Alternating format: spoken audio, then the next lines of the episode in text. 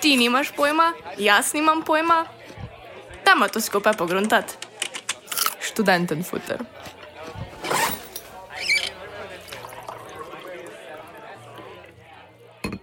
Pozdravljeni v novi oddaji Študenten futra.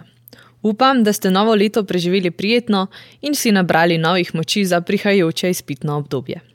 Če zadnje dni vsaj malo spremljate aktualno dogajanje in ste prisotni na socialnih omrežjih, potem najbrž veste, da se med študentorijo nekaj dogaja. Kaj je vsta hrup okrog radija študent, kaj hoče šov in kaj je študentskimi domovi? Vse to nas čaka v pričujoči oddaji. Jasno o nejasnem. V sredo 30. decembra 2020 je novo izvoljeni študentski zbor študentske organizacije Univerze v Ljubljani odločal o finančnem proračunu v prihajajočem letu. V njem pa ni bilo več postavke za sofinanciranje Radia Student, katerega ustanovitelj je šel sam. Pod okriljem šova RS deluje že od leta 1969, že nekaj časa pa je finančno zapostavljen. Od leta 2012 je finančna podpora šova padla kar za polovico, iz 50 odstotkov na manj kot 20. RS sicer že nekaj časa ni več odvisen le od prispevkov šova, vendar bi z odcepitvijo izgubil status študentskega programa, ki mu omogoča prijavljanje na različne projekte. Tako vsakoletno nižanje sredstev močno ogroža njihov obstoj in delovanje. Sredstva šova so se z lanskih 3 milijonov in pol znižale za pol milijona. Zmanjšanje sredstev za vodom pod njihovim okriljem tako ne bi bilo nerazumno. V oči pa bode dejstvo, da niti približno niso razmerno. Študentskemu kampusu denimo še vedno namenjajo več kot 300 tisoč evrov, kljub temu, da letos še ni bil odprt. Postavka študentske svetovalnice ostaja nespremenjena medtem ko sta Šult in Radio Student ostala brez prebite pare. In kaj je razlog? Šov menda ni všeč kritično in nefavorizirano poročanje o njihovi organizaciji. Čeprav je v ponedeljek objavil sporočilo za javnost, v katerem pravijo, da, citiram, nižanje sredstev nikakor ni povezano s poročanjem Radia Student, ampak zgolj z nižanjem sredstev, s katerimi razpolaga šov v Ljubljani. Na tem mestu bi omenili odgovor šova, ko je Julija Ereš opozarjal na problem ponovnega znižanja finančnih prispevkov. Izrazili so ponos, pomembnost in hvaležnost do Radia Student in da se bodo, citiram, še naprej trudili, da bomo po svojih najboljših močeh podpirali delovanje vseh naših zavodov, ki pomembno prispevajo k lajšanju socialnih stisk, k izobraževanju in poprestritvi obštudijskega življenja ter informiranju študentov. Konec citata. Kje pa sta ta ponos in hvaležnost zdaj? Šov v sporočilu javnosti še pove, da bi se v primeru osamosvojitve Radia Student lahko fokusirali le še na najbolj osnovne funkcije organizacije, saj so njihova trenutna sredstva zmanjšana. O delovanju šova smo nekaj že povedali v oddaji o študentskih volitvah. Nismo pa poudarili, da šov večino sredstev pridobi preko dela študentov, To pomeni, da 2,7 odstotka vašega zaslužka preko študentske napotnice gre študentski organizaciji. Če ste se do zdaj slučajno spraševali, zakaj bi vas njihovo delovanje moralo brigati. Upravljanje študentskim denarjem je bilo že večkrat po žarometi. Recimo postavitev kampusa na zemlišče, prek katerega naj bi potekala načrtovana železniška proga. Ali pa razno razni projekti, nenavadno draga svetovanja in zunanja partnerstva, o katerih ni informacij ali pa so ta zaupnega značaja. Tu so tudi sponzorstva alkoholnih pijač, organiziranje razupitih zabav in veselic, ki imajo zveze s študentskim delovanjem bore malo. Javnosti pa o naš študentih dajejo izkrivljeno podobo. Žal kaže, da namesto javnega prevladuje interes študentskih funkcionarjev, Poleg tega je šov v preteklosti želel opraviti profitne nepremičninske nakupe, čeprav so študentske organizacije po zakonu neprofitne in torej ne smejo poslovati dobičkonosno. In nihče točno ne ve, kaj se dogaja s sredstvi organizacije, saj se šov spritno izogiba reviziji in zunanjemu javnemu nadzoru. Nadzorni organi šova pa so praktično nedelujoči. Pa da ne pozabimo, da so večletni direktori študentskih organizacij vsi že krepko oddaljeni od študentskih klopi. Njihove plače pa so više od predsedniške. V ljubljanskem primeru bi bil to Andrej Klasinc, ki je Abrahama že dočakal. Odziva šov funkcionarjev na situacijo v medijih ni bilo mogoče zaslediti. Na njihovi spletni strani pa najdemo dve sporočili za javnost. Radio študent je medtem javno podprlo mnogo fakultet in drugih institucij. S peticijo, objavljeno po tiskovni konferenci, pa je zbral že prek 10 tisoč podpisov. In zakaj je njegova ohranitev pomembna? RS je eden redkih nekomercialnih medijev s širokim kakovostnim poročanjem. Poleg poročanja o študentskih zadevah nudi prostor raznoliki alternativni glasbi in mnogim temam, ki do ostalih medijev ne pridajo. Naj spomnimo, da so prvi in edini izdatneje poročali o študentskih domovih med karanteno. V njihovem programu pa je ob ustanovitvi našel tudi Radio Basement.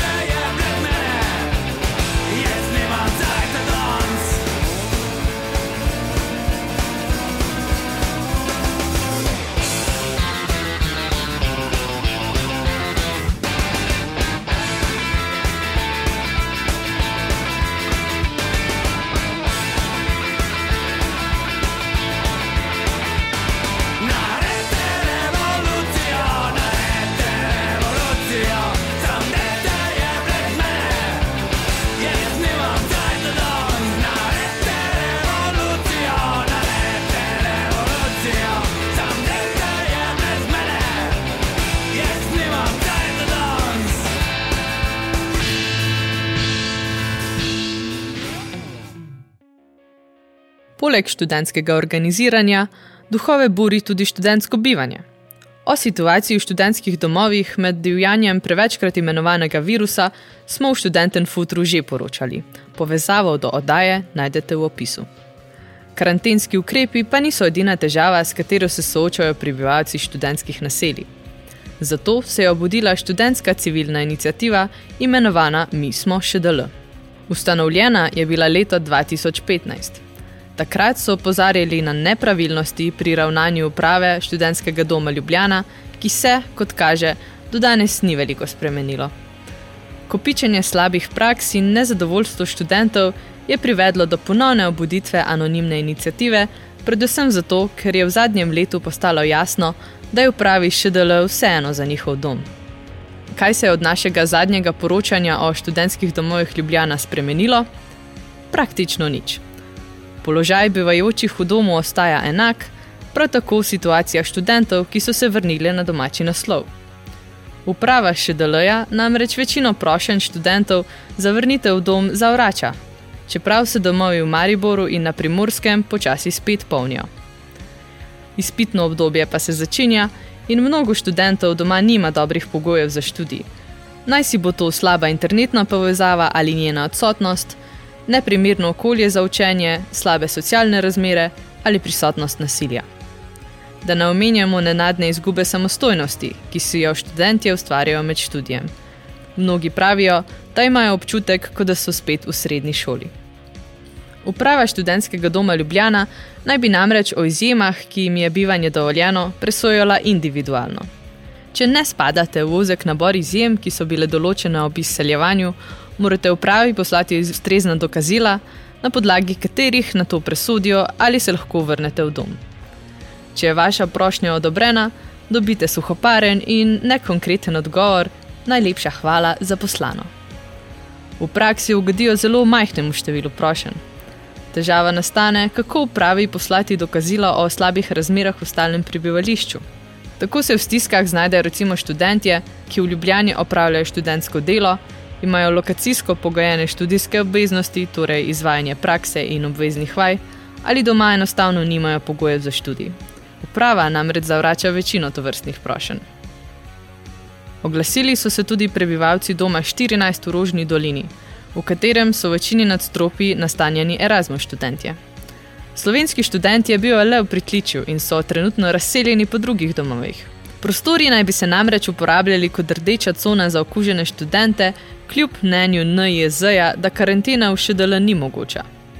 Medtem so tuji študentje še vedno lahko v svojih sobah. Zanimivo je, da je uprava za skrbljenim študentom celo poletje vse do oktobra zagotavljala, da ne bodo izseljeni. Poleg tega niso prejeli nobenega uradnega obvestila o izselitvi, ampak so jih o tem obvestili predstavniki doma. Izseliti so se morali v dveh do treh dneh preselitve, pa niso potekale po domskem redu. Na pritožbe niso prejeli nobenega uradnega pisnega odgovora. Upravi študentskega doma Ljubljana dobrobit študentom očitno ni na prvem mestu, kljub njihovi lepi retoriki. V želji, da še naprej ostanete zdravi, vas lepo pozdravljamo. Se konča večina generičnih mailov, ki jih zadnje čase prejemajo študentje. Ampak, spoštovana uprava, mentalno zdravje je tudi zdravje, kaj ne? A o tem kdaj drugič. Mi smo ŠDL, torej študentski dom Ljubljana, opozarja prav na to vrsten mačehovski odnos zavoda do študentov in na številne nepravilnosti pri vodenju. Ustvarjena istoimenska Facebook skupina je namenjena ozaveščanju in izpostavljanju njihovih stisk in težav. Anonimni pobudniki pravijo, da je trenutna situacija zaradi virusa le vrh ledene gore. Opozarjajo na ignorantski in nekorekten odnos uprave do stanovalcev ter na neprijazno omejujoče okolje. Stanovalci so nezadovoljni z varnostniki in varnostni službami, ki v domove vnašajo pretiran nadzor. Motita jih tudi birokratski odnos uprave, ki se ne zmeni za dejanske težave življenja v študentskem domu in neracionalna poraba denarnih sredstev, ki večinoma izvirajo iz stanarin študentov. Strani uprave naj bi prihajalo celo do kršitve domskega reda.